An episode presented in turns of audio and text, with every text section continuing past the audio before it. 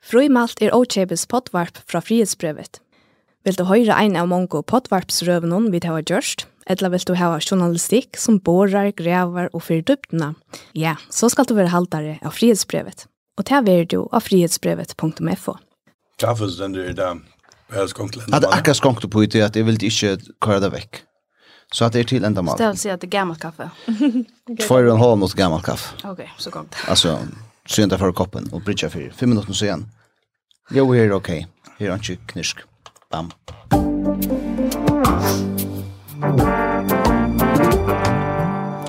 Hjertelig velkommen til enn en omgang av Frymalte. Her vi uh, færa venta nekka av som uh, vi kan uh, bjóa i på, og også akkurst uh, stått til Velkommen Nils One Dam stjør i Nordlavisjonen. Takk for det. Vi, eh, så seks og tære rødt som unga til fyrir. Hei. Ja, at jeg kan akkurst. Eh, velkommen uh, Kolbrunn her altså. Da er plantedelten i Kjøsanden. Jo takk, jo takk. Lengst siden vi da sett det. Ja. Begge in person og eh, liksom det som ikke er IRL, men det som er det motsatte in real life. Ja, jeg følte jeg trongte en pause fra dere. Och Löven som och internet Löven och Iceland ser ut till. Absolut. Tack kommer jag kanske åter till. Och välkommen Barbara Holm av Brösjöri i Frihetsbrevet. Tack för det. Ehm, um, Iceland synte så jant över här. Ja. Mhm. Mm det det. Ja, ja men uh, gott att söka dig kon. Åter. Och det är ett av ett eh uh, bylja chokolado från Goma gott. Hatt er annars sortering. Oj oj oj. Annars sortering till första klass folk. Ehm um, allt det här är köpt för 100 kroner. Jeg visste at det var et ting. Jeg visste helt ikke. Det er super cool, uh, men det sier jeg sinter om hvordan jeg tid lust etter frimalt. Jeg har sagt det minst tverfri fri. Det er ikke som tenk høyre vi her. i. Jeg er alltid pris, jeg skjønner ikke. Men uh, Anders sortering av sjokolade fra Gamma Gott. um, ja, og det koster helt natt ut av vanlige koster. Um, så gjør så vel, og hjertelig velkommen, altså. Skulle vi uh, börja vi at uh, Vi kan börja vi en sanj. Ok? Er vi på det? Skal det en sanj? Nej, vi tar det av öppråt.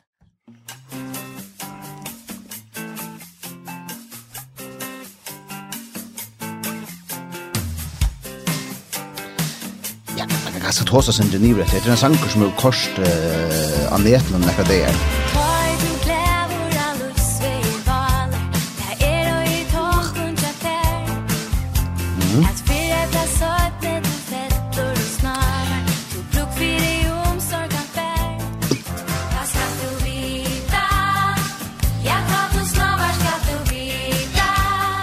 Yeah!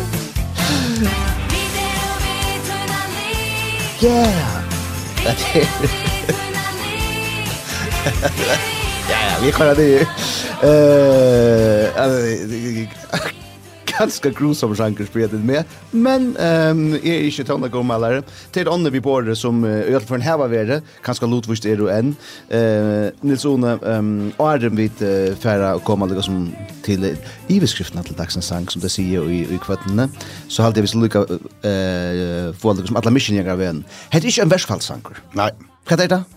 Det er en sanger som Klaxuka sjukrahus har uppsilt i samband med at sjukrahus fyller år og det er så starka släppsjuka juglos som som synja. Og til Och till Niklas Herre som vi känner dynamit som är skrivan och i hade det klassiskt Nikla, Niklas Herre öra hängare. Ja, og den som vi har om alle i er uh, Lilja Klein uh, Johansen. Leie finnes da uh, YouTube. Vi tøyna li og det da, og er helt velja ta, jeg sa at her, et her var uh, versfallsrakte, 20 rakta for en slise saman, til det kjetse snakk, og, og hadde gjørst en sang. Og så sendte jeg det langt løkningslim og sier, nu må ditt altså, kjera mer enn ditt her, og gjørst til hvor jeg heter man stekka seg som galskaperen. Men du erst, uh, du erst, og samtidig, du sier at det er fint. Jeg halte, vet ikke, altså, nå er kvartnen da jeg var her, da var vi bare gjort opp i heilig og så, det var kondjekka gada då til, men jeg kan nå er da, jeg for blir spyrja, hvordan røkker hesens sangren som en enda mal? Og hvis du snakkar om en sånn sang som skal lysa klassiker sjukhus, som et uh, sted her og uh, tilfærdig omsorgende og bruk for så rett, vi er noen uh, glævon uh, føreskund popleie, altså, det som man kan det som heter dansk pop, det är FO-pop, alltså yeah. det är... Klagsvig-pop när man pop, ja faktiskt. Ja. Så är det... Att det är gott, vi har Hauna Techno i form av uh, Supervision och Lasse Jeker och Klaxviks uh, pop i form av Niklas Era. Mm -hmm. All right, ja. Men så är det... Så hade jag det röjliga bajra, och jag tycker att det är för bajt en jönig välkommen. Det er vi ute i uh, 15. november, og her var uh, inntil vi er 3300 spillinger. Videoleie til er øsne, det lever fullt opp til uh, sannsyn, altså vi tar sjukerøkta frøyngar til arbeids, nekva mynter av arbeidsplassene, inni operasjonsstående, mian til sitt og er til endevendinger, og, og loftmynter øsne fra Andreas uh, Morsen, til boka aktuella uh, Andreas Morsen. Ehm ja, tider och tider fan. Jag vet inte, alltså nu tar jag är glad för att och jag akkurat finns det vidare på nu att inte vara överskallas. Jag är helt enkelt till att säga den så när det inte är där. Så helt det var en pasta av strøyden under mittlen sjukkerøkta frøyngarna på Kjemal Rai, Och jag fick så att at det måtte simpelt hen halda opp her, at vi har vært vittne till et verskfall och i månader nästan. Ja. Yeah. Eh och nu man action till av alltså vad kan det nästa ska vi söka rot vank gråta och gott någon här ute tänkande så i en video i ett kvart hugga säger. Men nu tar jag höra att det inte är det. Att det är beställt läxan och är har helt ett annat ändamål så det okej allt. Så har det något Jag Alltså man tar det för det som det är så det är super. Ja. Ja. Typiskt förrest lä. Alltså där mitten med om akkurat. Vi der og vi tøyna li Alltså det var en sån sjanke gjörder som Jens Marne sang um, Samma vid Nekon Öron. Gå säga att det var en sån sort där eisne um, Stola mannaratsen Ja, men uh, jag vill säga att här är nog snägg ting i Jens Lennon som har var jag är nog så upplagd och nog så nog så gjort för det. Mhm. Och nu har jag ju när lust att jag väl gjort han tror jag var sangen. Jag hade han ner jag hade han ner verkligen hycklig och akkurat det som ska vara och ja här sikkert långt och i omkring Ja, ja. Omkron melodistrofen, men uh, verste kvært. Så er det helst overslag enn til. Det er blod alle tøyene. er Niklas Eri Jakobsson, som du nevnte, til One, som har gjort året lært. det er Lilja Klein Johansen som synker, og Peten Master Solmonte som har filma og sett uh, saman video i. Men du, jeg har også, Jeg som jeg altså, jeg som jeg har ordet stått til videoen, og det gjør man faktisk skal gjøre det. Det er et eller annet vis når, kjent noen som er oppvaksne i uh, kårveren, ofte i samkommeverne. Ja. Her har han noen håndbevegelser som er helt fantastisk. Og jeg er så på Simon. Jeg husker meg, jeg tykker at videoen, ikke jeg som bruker sånne henter. Ja, ja, Det er også, det er verst, bare tykker. All right, vi er jo i gang. Um, her var vi da godt annars. Uh, litt sånne krimrakter. Ja, ja, ja. Det blir så smått at jeg ble, ble för hosta sin höstdagen, fredagen, lördagen men så måndagen tar läst det ordentligt också. Men nu är det fit for fight. Jag brångar rött. Ja, men uh, vi tackar tackar som gånger få. Är alltid att det är sin sexast. Mm. Har tid på det gott? Nej. No. det var stort och dröjt. Fortell. Skulle vi tacka till han nu? Att du hörde? Vi är vitunali. Ja. Åh, tack för det. Yeah. Alltså det har där ringt här vidare så hon inte till vi lever en eller gå om välfärdssamhälle och jag ser rätt det har där ringt till verkligen att Jag kan gå och vara chat om allt möjligt. Alltså det är det alltid att stövan kring hemmen hon är ju så rädd för när värre så vi kunde köra. Det kan så rätt. Jag följer så man kan tillåta sig så man kan gå och Det kan man gott. Jo, det kan man, det kan man, men aktion man får sig hjälpslösan och ödles ner som gång fyrir sig kan ju hade altså. alltså. Och at att vi är så fjerskotten et ett land och livet i våra egne boble, att han fjerker egne skjermar, og och ikke kjöla mest till och lätt snacka ui det som hender, til det räkar och nisch, eller så. Mm. Det är sånn det struje som är sitter vi, jag just här nu sen att det krutcher brast då hva kan man tillata seg å gjøre og huske. Hvordan merker du til, altså, da du sier at um, til det som du ligger som strus vi, altså, hva, hvordan kommer det til skjønt her, tjat her, ut her?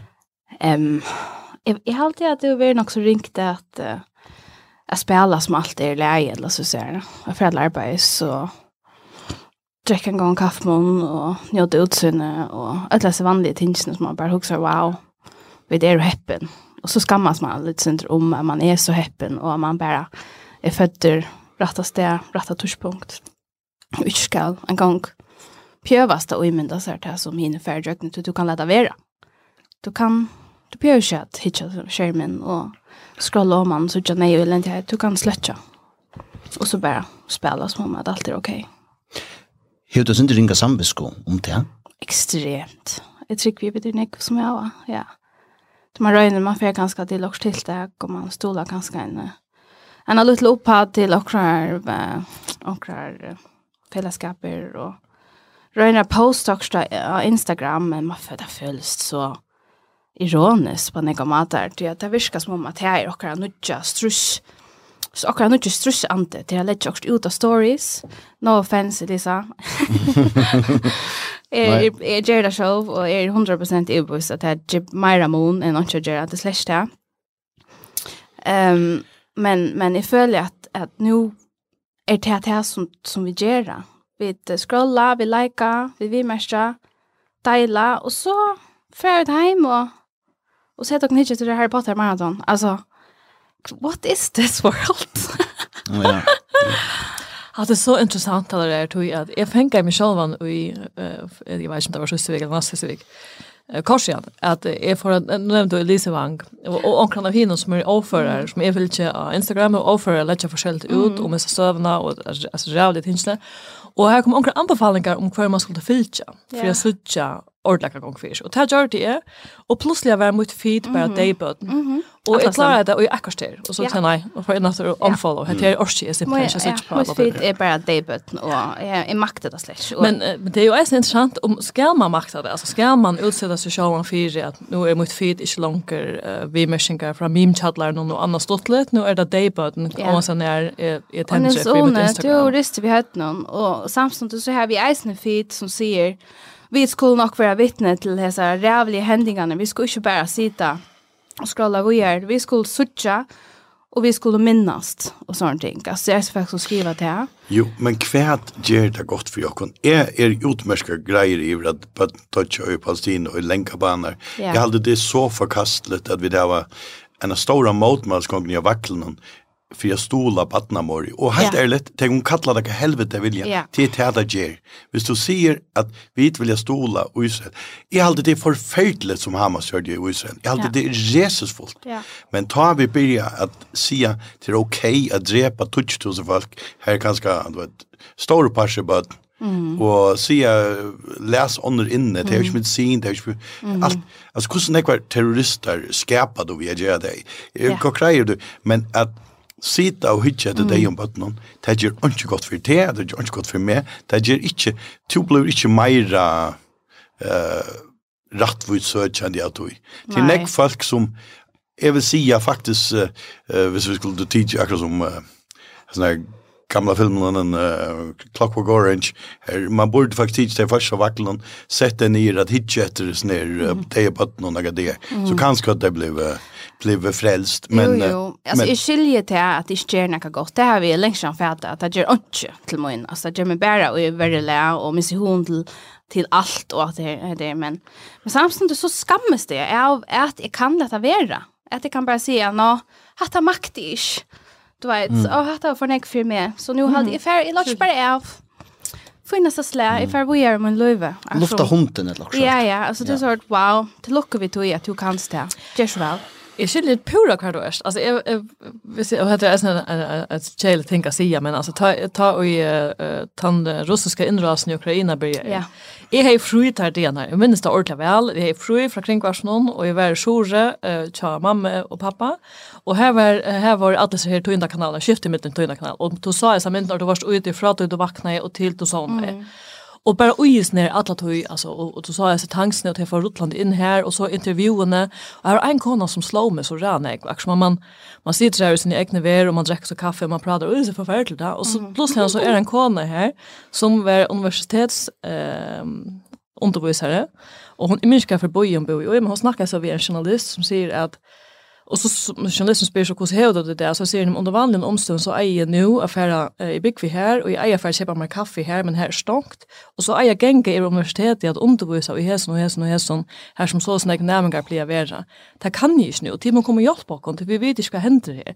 Och det var också en identifikation ut hur att det är en vanlig pura vanlig kona som dricker sig kaffe kvar morgon och undervisar närmare och en universitet som vi det vet också vägna här i förhåll till Og pluss til henne kunde man ikke til. Altså, hun er akkurat som brent fast i høyde med meg enda konan. Mm. Og jeg minnes vel at jeg kom alltid til arbeid at han er det er tar det flere journalister som snakker om heter at de vil de ikke Alltså det är ju så om det skulle bjöa sig till att täcka det här målet till det klarar sig men jag vill ju. Det är to är ju som du säger grejer för oss väl kopplat man blir man blir man får inga samlingska och man blir man får hårdgera och och så ska vi må ha och ska vi göra mot man ska gå eller kvärt. Man kan ju inte göra något. Det är det som är. Så jeg skiljer det ordentlig vel, og jeg vil si, i hesen omfæren og vi hesen krøyene, så har vi simpelthen spars med sjåan fyrir det, til de helt at det var øl, ja. Mm. Uh, Kjelkant, og ikke spars med helt, men jeg synes. Nei. Er det, ja, er det bare jeg som bilt meg inn, at vi var uh, føringer, eller folk som helt, var ikke mer rebelsk fyrir tøyne. Ja, du bättre det. Halvfjers og i forskningen, og skruvganger her og der, og... Nu sitter vi bara attan fyra och scrollar sin du trussar like. Nå ja, nu har vi just mot. Jo jo, det var nöke men alltså det var vi hade ju inte i talen som som man har nu va så internet ju vi har just det eller nämma jag vara rebelsk. Det tycker vi faktiskt neck flyer som mer rebelsk nu det är bara really moderat rebelsk det vet man är så men jag hade uttagat när jag bara säger lucka eh till det vi jag hade till som slå och knall i Ukraina var att hetta var folk som lúja oss. Ja, nei, kom det var Europa, det var folk som var gerans där, som mindre mockare. Det var det samma som hände da i Krutsch Jugoslavia vei.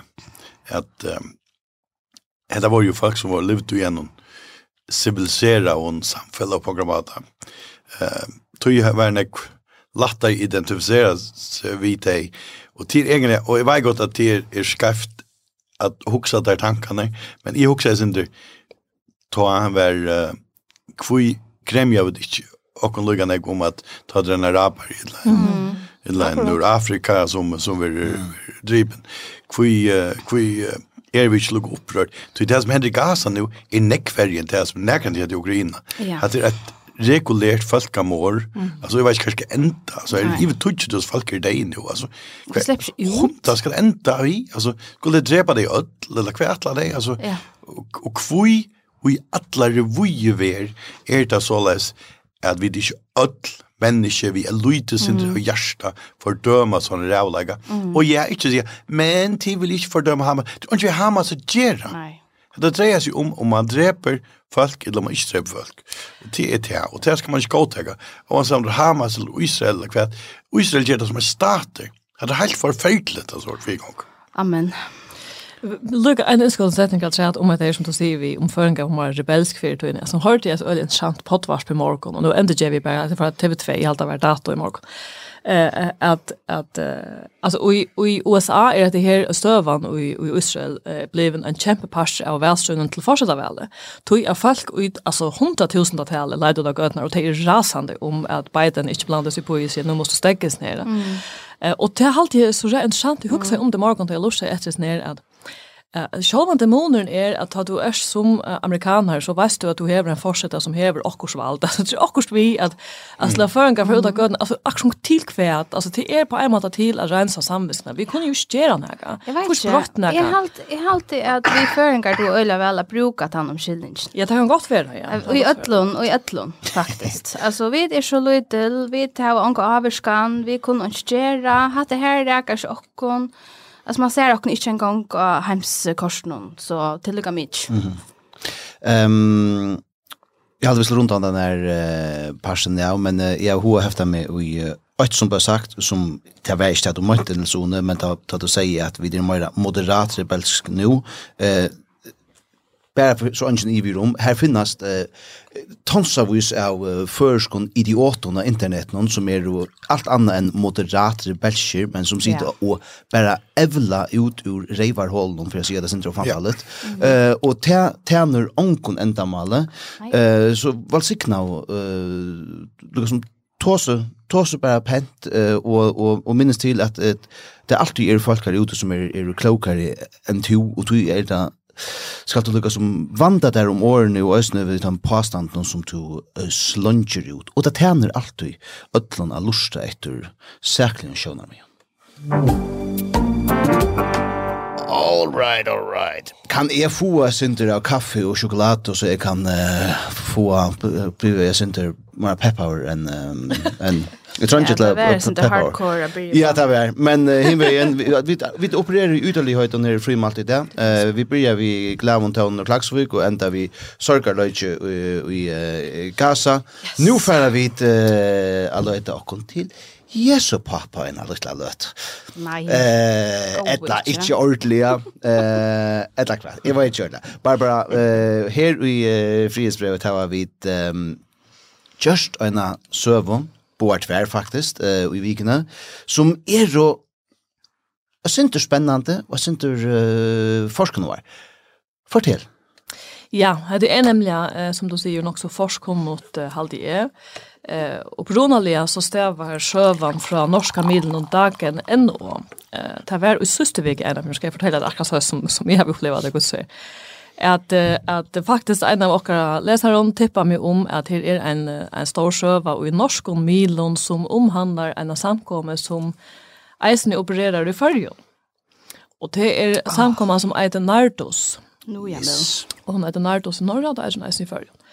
Og det som kommer fram i norsk og milen snur seg om er at eh, til årlige sommerlevene, og det her var det første år, eh, og i 2021 ta eh, lukket som ræpa i fundamentet under samkommende og utførende sinter, ta i flere av eldste ras eh, limenon og tarra familien, trekte stolen til overste prædikamannen og til samkommende for ursamkomne, og Og på bakgrund av mittlen anna flere søvn fra flere kvinnon om åhøskande kinslian ætbor. Eh, ikke alt olovligt, altså akkurat det var akkurat om affærer og, og så videre, og eh, ja, akkurat vi vaksen falske, altså, og akkurat enkelt var vi, vi falske som var under eh, en avstand alder. Men hetta gjør det så at det var flere av oss nere som vendte samkomne bedre. Eh, Og det som er omkursvekna gjer sjøvna sin interessante eisen i halvdige er at det er en veldig vikgongt samkomma, er det kurser som som meina, det er en samkomma som er lukka land og slipper ikke ordentlig inn. Um, og hun er lydel, uh, det er en lydel samkomma i Norra, og det er en lydel samkomma i Førjun. Uh, og det som er så fann det av vi har sittet og grevet, jeg i ikke og lesa seg dansk, nei, så norske greinene, uh, var at uh, amian uh, tar fleste, eller nekvar av teimen deltene som er i Norra, byrja smultra, så spekler noen om den her overste prædikamannen, Alltså att han förska samkomman öliga stinn och i stolen hon till mm. ehm Torskelt Terskelsen heter han som nu är i vår forsar hos ner överste predikmannen som står där. Det är ju Matsen nu på. Alltså var det han som skulle komma till förr? som hever verier. Han er akkurat verier, det er fjörstan det er så gjerne, og så gjerne forsene hever han verier. Altså, hvis jeg sier holdt sursfer, så råkner ikke vet lekv. Han har prædt ikke øljene jeg ved før. Og hvis du løyer, så slipper du ikke imrich. Det gjør jeg. Eh, kanskje ikke allikevel, tog at jeg er sambar Nardos døpt på skreivamata. Okay. Alt som er særlig vi lærerne til Nardos er at eh, man døper eh, bæra i Jesus navnet. Ikke i Um, navne fægersins, navne sonarins og heilige andans. Ja, det gjør man ikke. Hvis man er døpt og på tannmaten, den klassiske måten, så skal mm. man døpes om etter og Jesu navn i eina. Det er ja. tror som særlig er brudet fra Kjennardos. Ja, det er sikkert ikke på. Nei. Um, og så er det en andre ting, som til dømes er at kvinner skulle være femininer.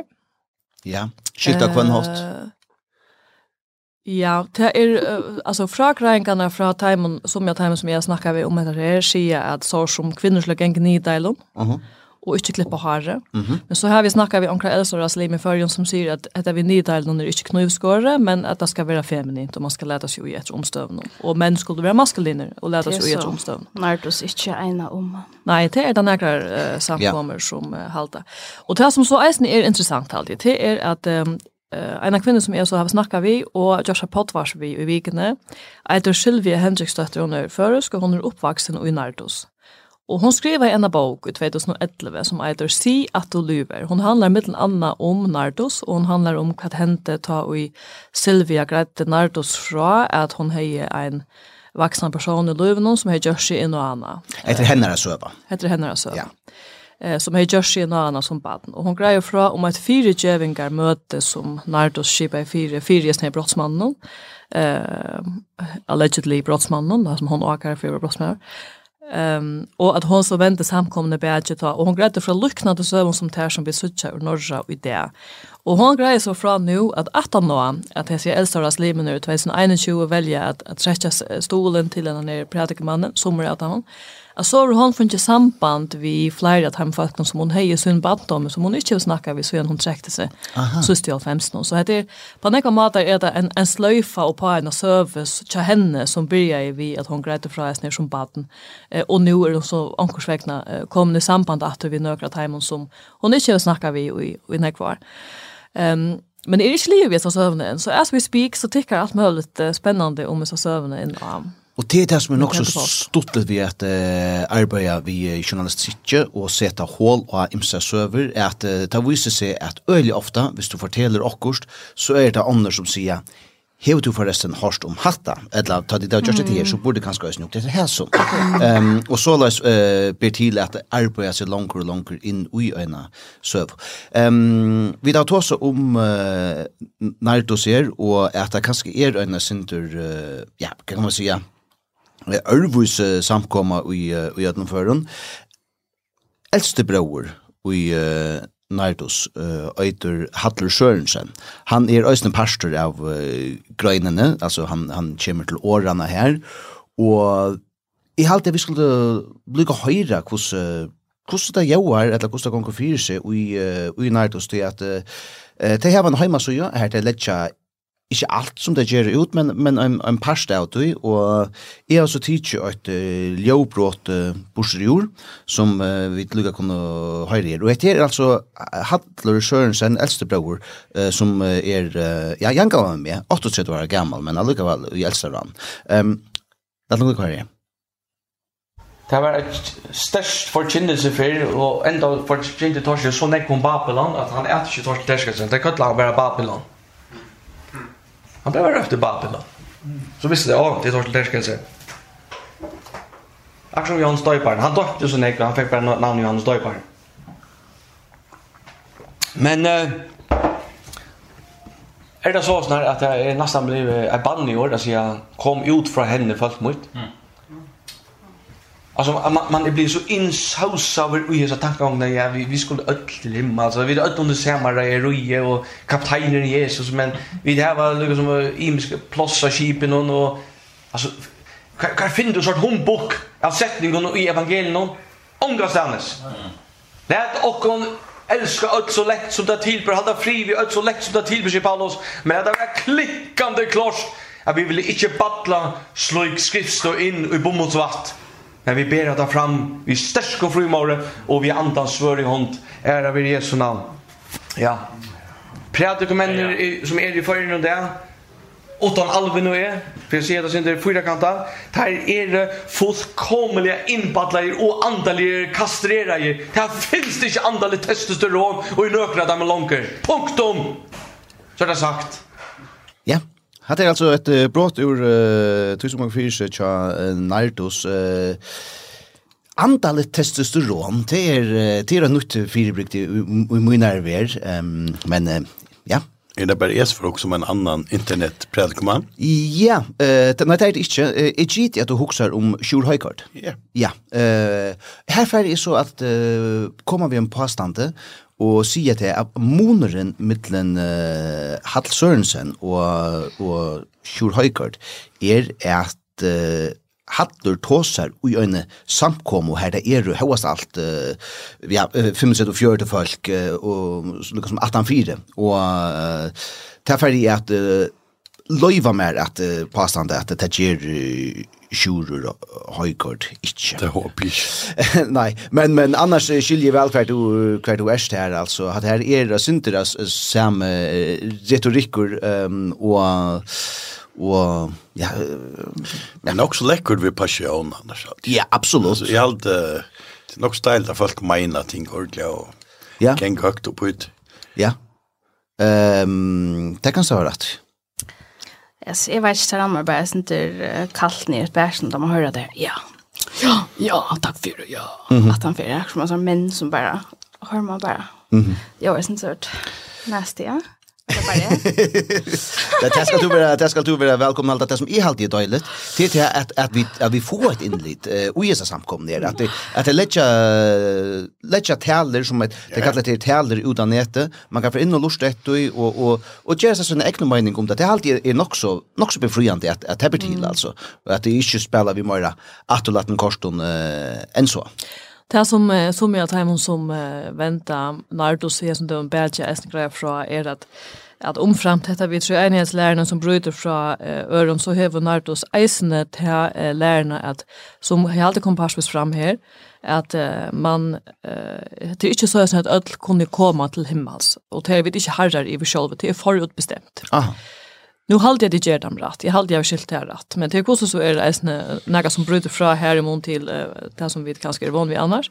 Och så en annen själva som vi eisne høyre, som jag alltid är snö kommer fram jag som bröt noen till er är att te uh, har gick inte högt på att en som er Arnfinn Velo en norm som er han som bryr, eller som händer kritiken av Nardos han greier fra hese her, hese kjenslene er og man følte man var bedre enn ånder tryggvande folk. Og hver for ånder tryggvande enda i trobeleikon, så sier man og i og sier amen.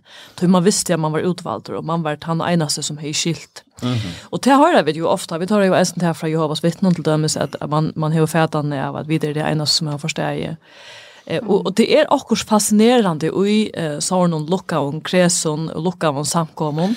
Eh, tog at, at, at, at som tar seg ut om hver er som vid alltså hade är ju hade brutit ju öarna fra og på samme måte, hvordan så er sommer samkommer som vi tar höra om eh vet ikke om Nardos, men sommer samkommer som vi tar om som opererer i förrjun bråta nog snägg och fra som vi annars kan gå runt och halta som folk. Og det er interessant. Det är at altså, Jehovas vittner er og, er og hotakande altså hva det er det de gjør, og hva henter vi i husen i vi sånt och hvis man får langt ut i verden, altså Scientology som är super lucka men som er mega intressant. Men hvis det ska vara ordentligt kontroversiella alltså så är er det inte näka som är er bara för det smöl samkomnar. Vi tar ju alltså i har själv i min batta med veri alltså repta.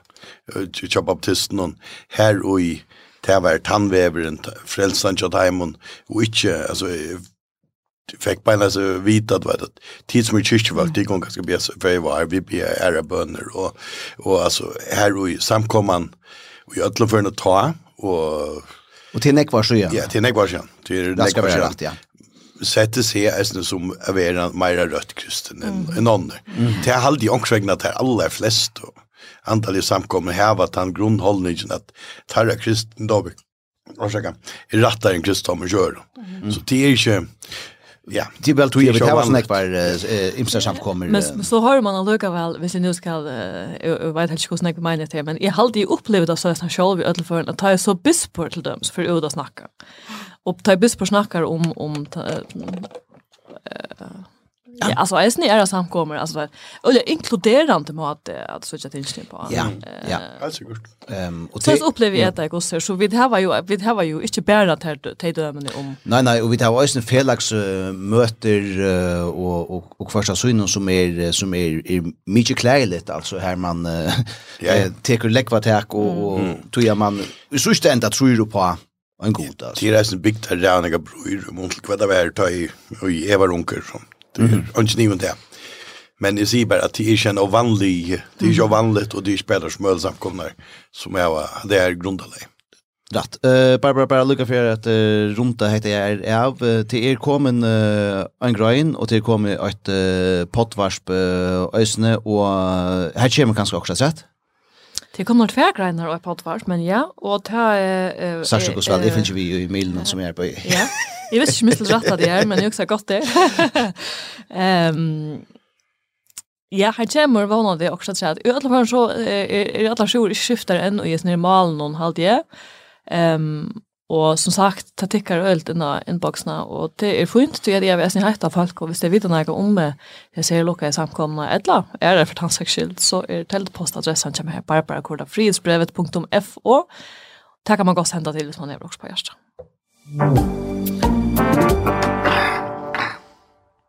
Ja, det var Nils One som hostar, ikke en skratt i bregaren. Men kan du ta seg sin til at sätta sånn, där? Ja, ja. Det gör gott. Tror jag att ehm är det i vikene om en en sinter uh, jag vet inte om man ska säga kontroversiella rövo. Eh uh, och så också jeg, hvor søren här vi inte säger før, för det var till att jag var i Danmark där rövan var hilden. Rövan uh, var hilden av en mann som heter uh, Olevik och Olevik är i den grad mæveren i, i sentrum i hesson døvun. Tu hever hilti eina Ja, ikkje kontroversiella røv, men mykje røsta røvu fyrir Olavik, ta uh, han fekk uh, virusløn, uh, ta metna virusløn landsins uh, var latnar, og um, anker for så lengt som jeg sier at uh, tog røva var hattarpunktet, og til ta handan nei. Ta ta vi. Ta var dårlig fakra Augustinsen som sier det. Du er så mye mye rås for det. Er det sant? Men nu kan du også med oss om... det faktisk frum alt det her at du røst mer. Jeg skal finnes gjøre det. Det er jo synd rørt. Det er det beste parsten nærkant. Det er best parsten nærkant. Men Sjönta er en framsynning glatten opp i listaskalan og ta helt Ole Vikk og Einar Røven. Og helst er en Nettopp. Men til det i listaskalan helt han Einar eh, Røvo her, um, han middelen anna sier såleis, og jeg tidsi er brått borsur ur uh, sendingsne våskalen tja kring varspe fyrja, vi høyra lydsindra Olavik, og så høyra vi lydsindra av Ona Arke, som er verstre sendingsne, og så høyra vi lydsindra Meira av uh, Olavik, men hette er altså ur våskalen. Markedet har holdt færre spillekunst fast i motivet om maleriet. Publikums krav til dekoration af stuevægge og hang til sofastykker har forhindret udvikling. Og så er der relationerne i det færreste samfund er meget betydningsfulde. Folk køber og støtter helst kunst fra personer, de er tæt relateret til. Dette fremmer som regel ikke kvalitet, men bliver tilfældigt. Og så lægger han hetta atræt. Lige nu er trenden, at man helst skal være kvinde, helst ung kvinde, for at slå igennem i det færreste kunstliv. Men denne form for udvalgelsestrend fremmer hverken relevans eller kvalitet. Ja, hadde vært altså Olevik Og han sier nek som var mer kontroversiella i natt. Precis. Och det över det fitter så den klipping. Ja, det er akkurat det som jag vill hoa sig här tror jag att uh, här hentet det här som uh, ofta händer i uh, kring varför färja är att det blir ordentlig upp i highlight så så klipper du lika jord och och så och så klippte in att det er jag synte minne av highlight och tog har vi ho att uh, citera på rövene här Åle sier, Nu ender det ikke, eller det er ikke setningen i Det fremmer som regel ikke kvalitet, men blir tilfeldet klippt, og så kommer uh, Oni inn, og så blir det sint mer kjælet, og det er jo så es. Et fremtredende eksempel på dette er at en simpel analyse av den dominerende stemme på den færiske kunstscene, Kinna Poulsen, viser tydeligt at det er hennes personlige relationer der styrer stemmen og hennes beskrivelser av kunstscenen. Dette er en markant skev vridning. Og så får han også vujere og tåsar om uh, ingolv uh, av uh, reine. Jeg kan lykke til mye gøte dansker som ikke godt at jeg alltid godt kan fortsette. Men køp gennem relationer kan då også være av det gode, en av grunnene til at Ingolver av Reine kom så langt i sin kunstneriske utvikling, må nok sies å være en følge av familiens og brødremenighetens lange seie støtte ved køp av hans malerier gennem de mange smalle år. At vi her i byen for eksempel har en bilforretning med lokale versker på vekene av høy kvalitet er eksepsjonelt. Og så det vi er, vi är. Jag hade lite ja, för till in. Jag helt som sagt är om Olvik. Jag hade Olvik är en viktig rødt av det förska patlon. Ja. Jag hade ju för och att att huxa om ting och men han är eisen i en mokkøtt. og Vi så right. hyggligt att du til sista som man sier, Inga ingår rein. Hade ju fiksjon av rinkas så slä. Att det passer ikke? Nei, det passer simpelthen passar simpelt Reine ble slett blev og och av menighetene. Jeg hadde ikke man helt all list var så spennende ta. Det var mitt landa någon gång så var ju i i Färjabanka eller Jönbankan i min kjørlet. Sofos Olsen som har gjort listor som sant er är lista av hva folk så så video tog som Inko gjorde og kjøpte list fra honom. Det er tog Inko kjørte til, og så vi tog inne ble han, eller vi tog han ivelivte, og vi tog inne ble han så eisende populærer peio utanfor forfølger, og middelføringar som var lyst av her. At brødre samkomman sikkert sett ned og kjøpt utan iva, men hade bara fiktion och några jävla bröv. Det är ju andra som, som vi så ja. i, i Travne, mitt andra Olav Jökla där. Ja, som är Sverige från en går in. Och jag hade bara att, jag hade bara det faktisk tatt fyrt ut og heldt en røve som hattar og kjemi tydelig om faktuellon bortlegon så kvarve på enkje kjadar. Mm -hmm. Jeg halde eisen i at hans er alo på kinne. Är skilje vel og vikker irriterande kinne til Kinna skriver Øyland Ekv om til sommerlista først om at hun hever en, en skæra som hun, som hun vittjer, og er til finansieringar, ofta er hun eisende tann som han listen opp. Mm. Så her er noen habilitetsting som er galdande. Det kan man godt irritera seg over. Eh, problemet blir bare ta i det har brukt i en sånn her tilfelle, mm. så kommer det å være vidt til å sementere seg evig offerrollene til Olvik, som er så åskjermerende. Uh, han er til simpel simpeltens okärmande at høyre mann som i fjör samma vi när nämnt nu i lista valgtes en heila vekk til så självan in och jag som akkurat Arne och fortalt kostnad plåsan vid lista sann jag blev vi att utropa sig vara ett offer han är inte ett offer det är han inte är aldrig Olvik är en viktig lista med mm -hmm. men akkurat det här det teker Uh, det var så sint med det tycker allt tror jag fra, fra hans öra. På og det gjør han til en, jeg vil si, det gjør han til en verre menneske. Mm. Det gjør han og det gjør han minne interessant han, til jeg blir bare sånn irriterende, min, min, min, min. Men er det ikke akkurat uh, det som gjør at det er jo så nekv som dama at ikke at dama Ole Vik Jo, jo, men at han gjør eisen, til at Ett är av er nek som blir irritera i sån här ting. Mm. Men han rådar alltså vid nek ting som det inte har hoa man ska råda vid. Och det här är viktigare. Han får in och, och homofob jag dömes ja. till han brukte forska flatje sammen vi vi homofob till et uh, listavek som fer inn, in och gärna varst som vad det var så samfall truster ordentlig og han super tilltrångt mega godt. Jeg gott hans er... um, og det som er interessant er, det visst listaverket var altså, super kontroversiellt va. Och visst du tek visst onkel just ut där, te ungen är huxa där Alltså te är teenage graffiti och alltså du var te ungen efter pass ja. Men hata kan han. Han kan det och han gör en annan ting. Han är till dömes till listaverk som han ändå gjorde vi att han visste kvar vattnet för att komma upp till vis Polen mm -hmm. alltså färjan han mest i au kvar och i Milos under vattnet och sådär.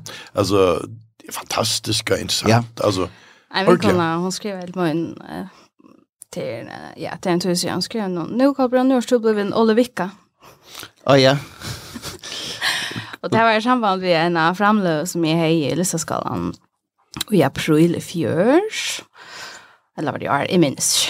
Och här som jag hej tåsa om eh, naturslit och hur vi behandlar våra natur. Ehm och är så inte sakta som det är på en penna mata. Och så sagt nu så så tycker jag att att uh, Olle Vick skriva bara eller skriver in på Facebook om en annan check som de har eh att spyr bara kolbrun i Haraldstad och plantefrön kan se att Affärjar är och blev en, en ekologisk katastrofa och landbonaren har bara suntersmältra i människor. Han årar sig, men han ödlen för en upp, blåste upp mig i år och lei år i munnen av mer som är, då är unga det jag har sagt.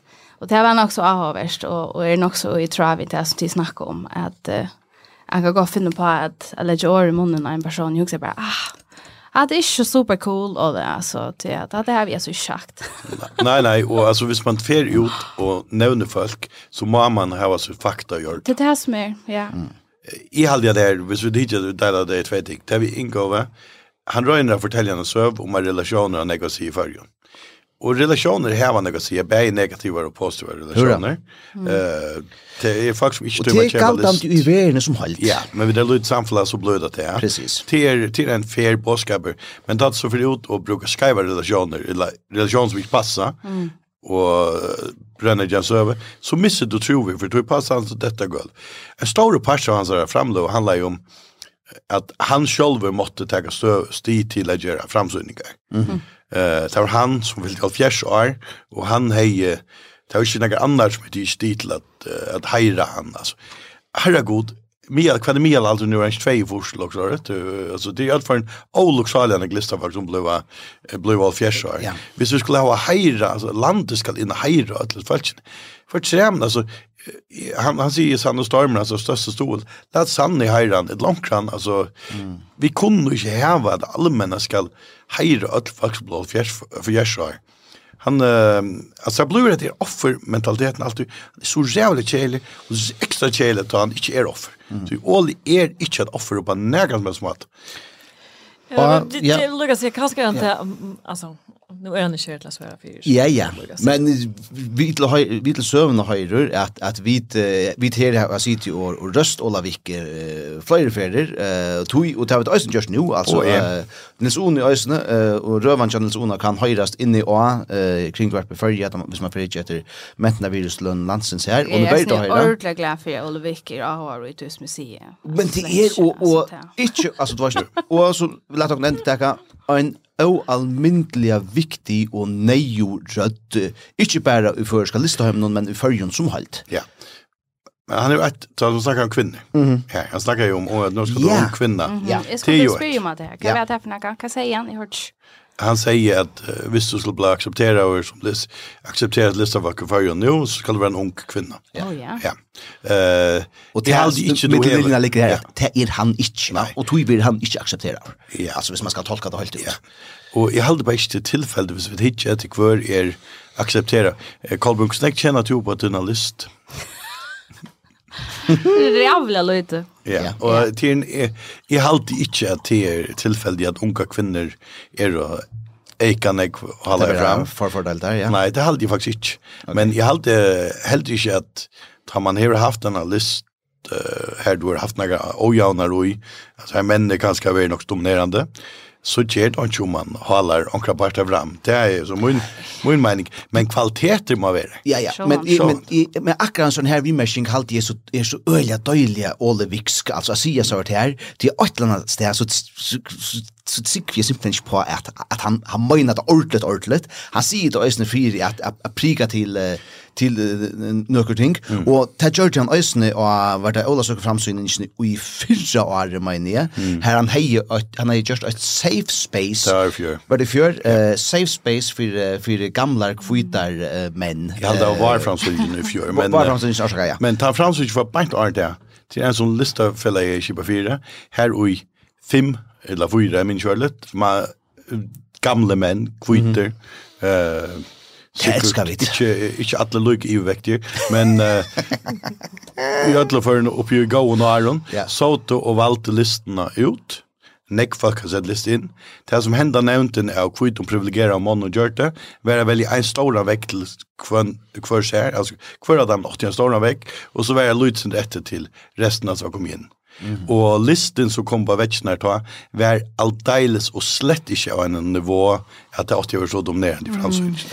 Det var ikke det der har sagt, er ikke habiler til at, at uh, teka støv til min list, Så att Lin sagt, "Du fartar väck." Och så säger den nästa, "Är inte bild eller jag kan inte list." "Du får resa väck." Och så lär skort där rum. Ja, och det är det G think we fish like Lucas med detta fakta eller jag går så. G should habilitation som bra. Ja, det är så. Låt oss lucka hur runt det är av och det Jerry är på listaportal.com till att nu har vi inte hört alla och just nu pratar vi att oss om man eh vi har helt hört kvinnor vi har att oss om henne men jag har hu att teka til som hon hever skriva som attersvær til Olavik, uh. listaportal.com. Iveskriften er uh, mykje gau halvdia. Hon er alltid nevntur, ikkje glemtur till Lucka Olevik. Ehm um, så skriver hon eh så nek, hon skriver med Anna att en skjut opptelling av lista blotchen och lista portalen om visar att Olivik är nämnt ur här näkrar och 20 fer anko till hon skriver hon och är där till om mellon och vi meshingon och så häver hon en rikva dømon om det som hon har skrivet och sagt om alla jöknon och är och det. Och så har vi hova för att endan och att hon eller as ner skriven som hon lagt ut här hon skriver Det passar ikkje at Ole Vik veris skikvavur til Viks innan skal lista omkvarve. Hugsa vid om det, vil de ein sluik avbauta gjer i grunnene veri av metalega løgjen og out of character, bei fyrir føringar og møvelig øysne fyrir Ole Vik. Tui nekk kan man sige om føringar, men folkali, folkali er vid holdt ut ui te svakliga, og nekk kan man sige om Ole Vik, men smegen er han ikkje. Om man googlar till dömes uh, Olvik så är så att hopen av förskon uppslöven om mannen om man hickar i så sås det Milaner och så bla bla bla så rexar hon uh, en rikvo upp her. Ehm um, uh, Så skriver hon at enda, Olvik er vel og vidliga nevntur, ikkje glemtur, og nu øysne vi sømtar gavo til lukko vi tui, og vi skjeit i ara føringar denon, nu er tøyen kanskje kommet at tveita tan trøtta offermentaliteten. Ja, og det er som mitt poeng. Eh, men det som jeg, jeg sier noe om kvinner, Jan, jeg vil gjerne eh, mm. utdruppe det lødsinter til det jeg er som jeg aldri har noen øyla lite. Kvinner skriver om noen lista for skriver enn jeg. Det er noen ting. Men det er heller ikke ivi om at kvinna har gått kjil på list. Det er faktisk ikke fra, ne? Og vi har ikke så oloksalia nek ordet donar lista for kvarjon, så det er kanskje ikke løye at hon ender tek seg sjølvan, tog at hon, uh, hon skal heva så få skriva om. Precis, precis. Og, og hvis du skal ikke ha vært lunch i, i samme rom med Viken Paulsen, utan, altså, og ikke finne til at hon, hon vet verlig hva hon, hon tåser om, Og på samme måte skal du helst ikke ha vært uh, til, uh, la oss si, nekvitja, verskja, og Ole vikk, for jeg sier at hesten her med her, han kan altså akkurat. Nei, jeg sier bare, jeg fikk uh, 11 fra Kinne Poulsen i list, første G, og jeg lever jo bare den, så. Ja, hikka ikke. Jeg må legge si etter til at uh, omframt, altså røvna, så gav Ole Olevik en sera stora, omfattande og Ja, rettelig dyra bok ut. 600 suger var hun? 600 suger, 500 kroner. Og det er nesten en kroner per suger. Ja. Og boken samlar omkring Ötlands och Listaversk. Redan är intressant og helt øyelig størst versk. Og jeg vet ikke så flott verk, for det var alldeles ikke flott verk. Hun, um, hun er ombråten som en heimasöja fra 1996. All right. Hon ser simpelt där rent utsagt gyselig ut Jeg blev som uh, innanför jeg blev innanför uh, så en person som som som har arbeidt i grafiske bransjene och i sånne grejer som jag. Jeg ble faktisk ordentlig stolt at man har brukt 600 syre syra og print og jeg vet ikke hvordan det går Vi hører hon inn, her er innbinding og bare skit i området. Det er helt förvärligt. Det ska jag hålla vi. Det er ordentlig tyst. Ja. Men uh, vi kommer vi om det. Uh, vi er så smått vi at uh, rundt av. Jeg har uh, lykke at uh, løye tankene i møter uh, omkring som vi tar tåse om uh, fyr. Uh, som Øysner finner sin nye kjøkja uh, Nilsona. Det var førska fotbollslandslige. Det var ganske ikke akkurat det som fikk sin mest kåk. Det var en vimmersing til Eli Hense som er hjelpervenner til førska fotbollslandslige. Noen som, uh, som fikk uh, Nilsona til at uh, langa til søsner rent verbalt. Det som er hent så igjen, det er at uh, jeg har gjort denne samrå vi Håkan Eriksson. Uh, han er hjelper, nei, vrøvl, han er høvesvenner tja førska fotbollslandslinjen. Og det er en samrøva som fer at uh, komme ut uh, sunnedagen. Og um, jeg spurte med den andre Håkan Eriksson om, um, ja, hvordan han helt er jeg gikk. Uh, og så spurte jeg Øsne, uh, hvor Hadler Hansson ikke er av landslinjen? Forklaringen på at han ikke er landstid point her og nå, til tog at han, han hever en, en ski han skal opereres fire, men han hever altså spalt fotboll siden i sommer, og tog er det øyelig nek som har undrast at han kan spela fotboll vi KUI, reglerlige, og være livformer av landslinjen, men ikke være utidsen. Um, og så sier vi igjen at um, til øye, halda summe, samtidig som du østen hever tidsi er skattarspelare vi vi først, uh, uh, som du visste ikke, du ikke var så bruker nekk, at det er ikke, er ikke en logisk ansøkning her. Og her sverer jeg Håkan Eriksson såleis. Jag kan förstå det, att det inte upplevs som konkurrent och så vidare. Absolut, inga problem. Men jag har gjort de bedömningarna av de här olika anledningarna och exakt vad Hattler och jag har för diskussioner och hur jag resonerar med andra spelare, det kan jag tyvärr inte uttala mig mer om för då lämnar jag ut för mycket. Men Jag har full respekt för den åsikten. Ehm um, först bara helt konkret, är det en konflikt mellan eh, tränarteamet och och uh, Hattler Hansson? Ja, absolut inte vad jag Nej. upplever. Men jag vet inte vad du har för belägg att ställa den frågan. Men jag upplever att vi har en, en väldigt bra dialog och haft hela tiden, Hattler och jag. Hattler och jag har haft väldigt mycket diskussioner om hans sätt att spela, vilken mm. roll han ska ha, där vi inte har varit överens. Eh, absolut, eh, men det är, tycker jag, är en konstruktiv dialog vi har haft. Och de diskussionerna har varit ganska, ganska många. Eh, Och det jag upplever att vi har hittat en konsensus. Mm. Alltså Håkan Eriksson och i en samröv som kommer ut av frihetsbrevet. Såna dig. Det hon är klar och svär. Nej nej. Nej nej. Ehm um, nak Anna eh uh, som det sista halvtid vi kunde uh, vi där var sin tur uh, vad jag man kan säga Kan man? Det är ju tungt i det, men vi tar väl inte allvar som Og så har vi tåsa sinter uh, herlet, da. Uh, Jeg hadde slik enda... Speak for yourself, ass. Ja. Sendi, nei, harmalt. Harmalt, ja, og tungmalt, kallt det nu i. At det bare gjør hans bra, men vet ikke hva de snakker om. All right, men jeg, jeg hadde vi slik enda vi omkring gåon, og ta verur... er... Vi der vi... Ja, vi kan takk for alle ut av det, det er godt, men her hadde jeg slik Løkken Borg, Ja. Ja. Yes, det er så cool. Eller ja, men. Ja, ja, og det som er hent, det er at uh, Lückenborg uh, skal uh, spelast av en paddle, ikke av en paddle, men av en ualmyndelig tutningarmiklon. Paddle uh, i London, The Barbican uh, skulle de uh, spela av. Det her er... Uh, Ja, det er øyla skrapt. Um, og det er kun sagtans være stolt. Erren er selvfølgelig er? Jeg er super forvidende på, vi må for å spørre det. Altså, jeg har hørt det riktig slett om en sier. Jeg har hørt, jeg har hørt, jeg skal si hva jeg har hørt. Ja. Eh, Det første som jeg har hørt til er at det her er et ting som stender av bucketlisten.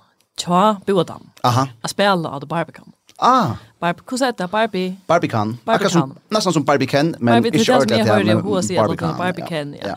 Barbican. Uh, Hitt inte är att man bara kan spela här om man vill bojen. Mm -hmm. Passar det? Ja. Det vet jag det. Mm. Jag vet att det är boy. Man är man kan bara spela här hvis man vill boyen till att spela. Man kan inte leja. Det har spalt det har spalt den här Scholleger stävnu i i Aldor Danmark och typ satt där så. Ja, ja. in boy. Ja. Ehm i hej jag att det att det är fantastiska flott och i halt det att öll de som big London eh borde färdig och hukt efter uh, Leicester 90 första 19. februar, 1. mars og 2. mars eh, ver hans spaltur. Tvær skyningar enda ner eh, 2. mars. Hvis vi lukka rundt av løyken, fantastiska gau løyker, ja? Helt fantastisk løyker. Ja. Extremt. Ja. Otroliga rörant, kan man säga. Øyla. Øyla og behärlig. Og, og, og, og samtidigt... Synes och Kolbrun, Johan. Get used to it, Nei, men uh, det er altså Bo Dam, og det er Kristina Ågård Sørensen som, uh, som er vi i uh, Legion. Um, jeg halte jeg vidt uh, vi har sånn færre at uh, sier takk uh, fire. Ehm Nils under dam Stjorde Nutlevich non tack för att du varst vi och Kolbrun i Herralstova tack för att du varst vi och där Og Barbara Holm Takk fyrir at uh, tu varst vitt ikon. Uh, Nils Åne forresten, jeg kunne som har lykka spørst ikon på her. Uh, Kvært, uh, hva finner det gjennom vikskiftet? Vånande så lyder som gjørlet. Ja, det gjør som en uh, plan. Nils Åne, hva finner du gjøre? Råpa lykka. Lykka er fer i Årsveisle Johab. Åh, det har vi sagt hans godt. Til lukke vi steg på finalene og gå av Vørsle, Barbara Holm. Hva er det vi har vikskiftet her?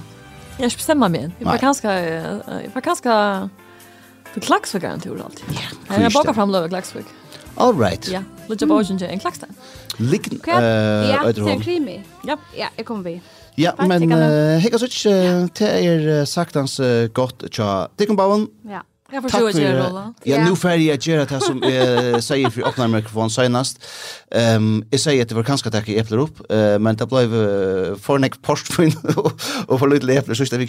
Så nu eh färdig att eh ta ge upp äpplar. Och så ska vi ett söka på det Instagram. Yes, ta vi det tvångsen lagt till och nu har sagt det för er för vi vi frimalt och mamma hon sände hon sände mig en messenger på mitt i sista veckan. Och säger att Roland jeg lurer faktisk etter frimalt. Um, Mamma, du er noe legger ikke trøst av det. Ja, så... Det går stølt. Nå er det. Ja. Epen opp på måltene. Godt vikeskifte, Kolbrun og Barbara og Atline som har lurer av vi.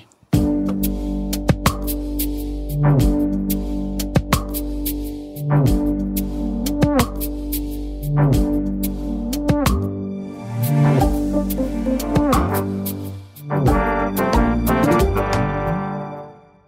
Hetta var eit åkjepes potvarp fra frihetsbrevet. Frihetsbrevet ger sjøver og journalistikk som er milar i fyrjun ikkje gjerra. Men for å lese eller høyre da, måste du være haldare, og ta er du av frihetsbrevet.fo.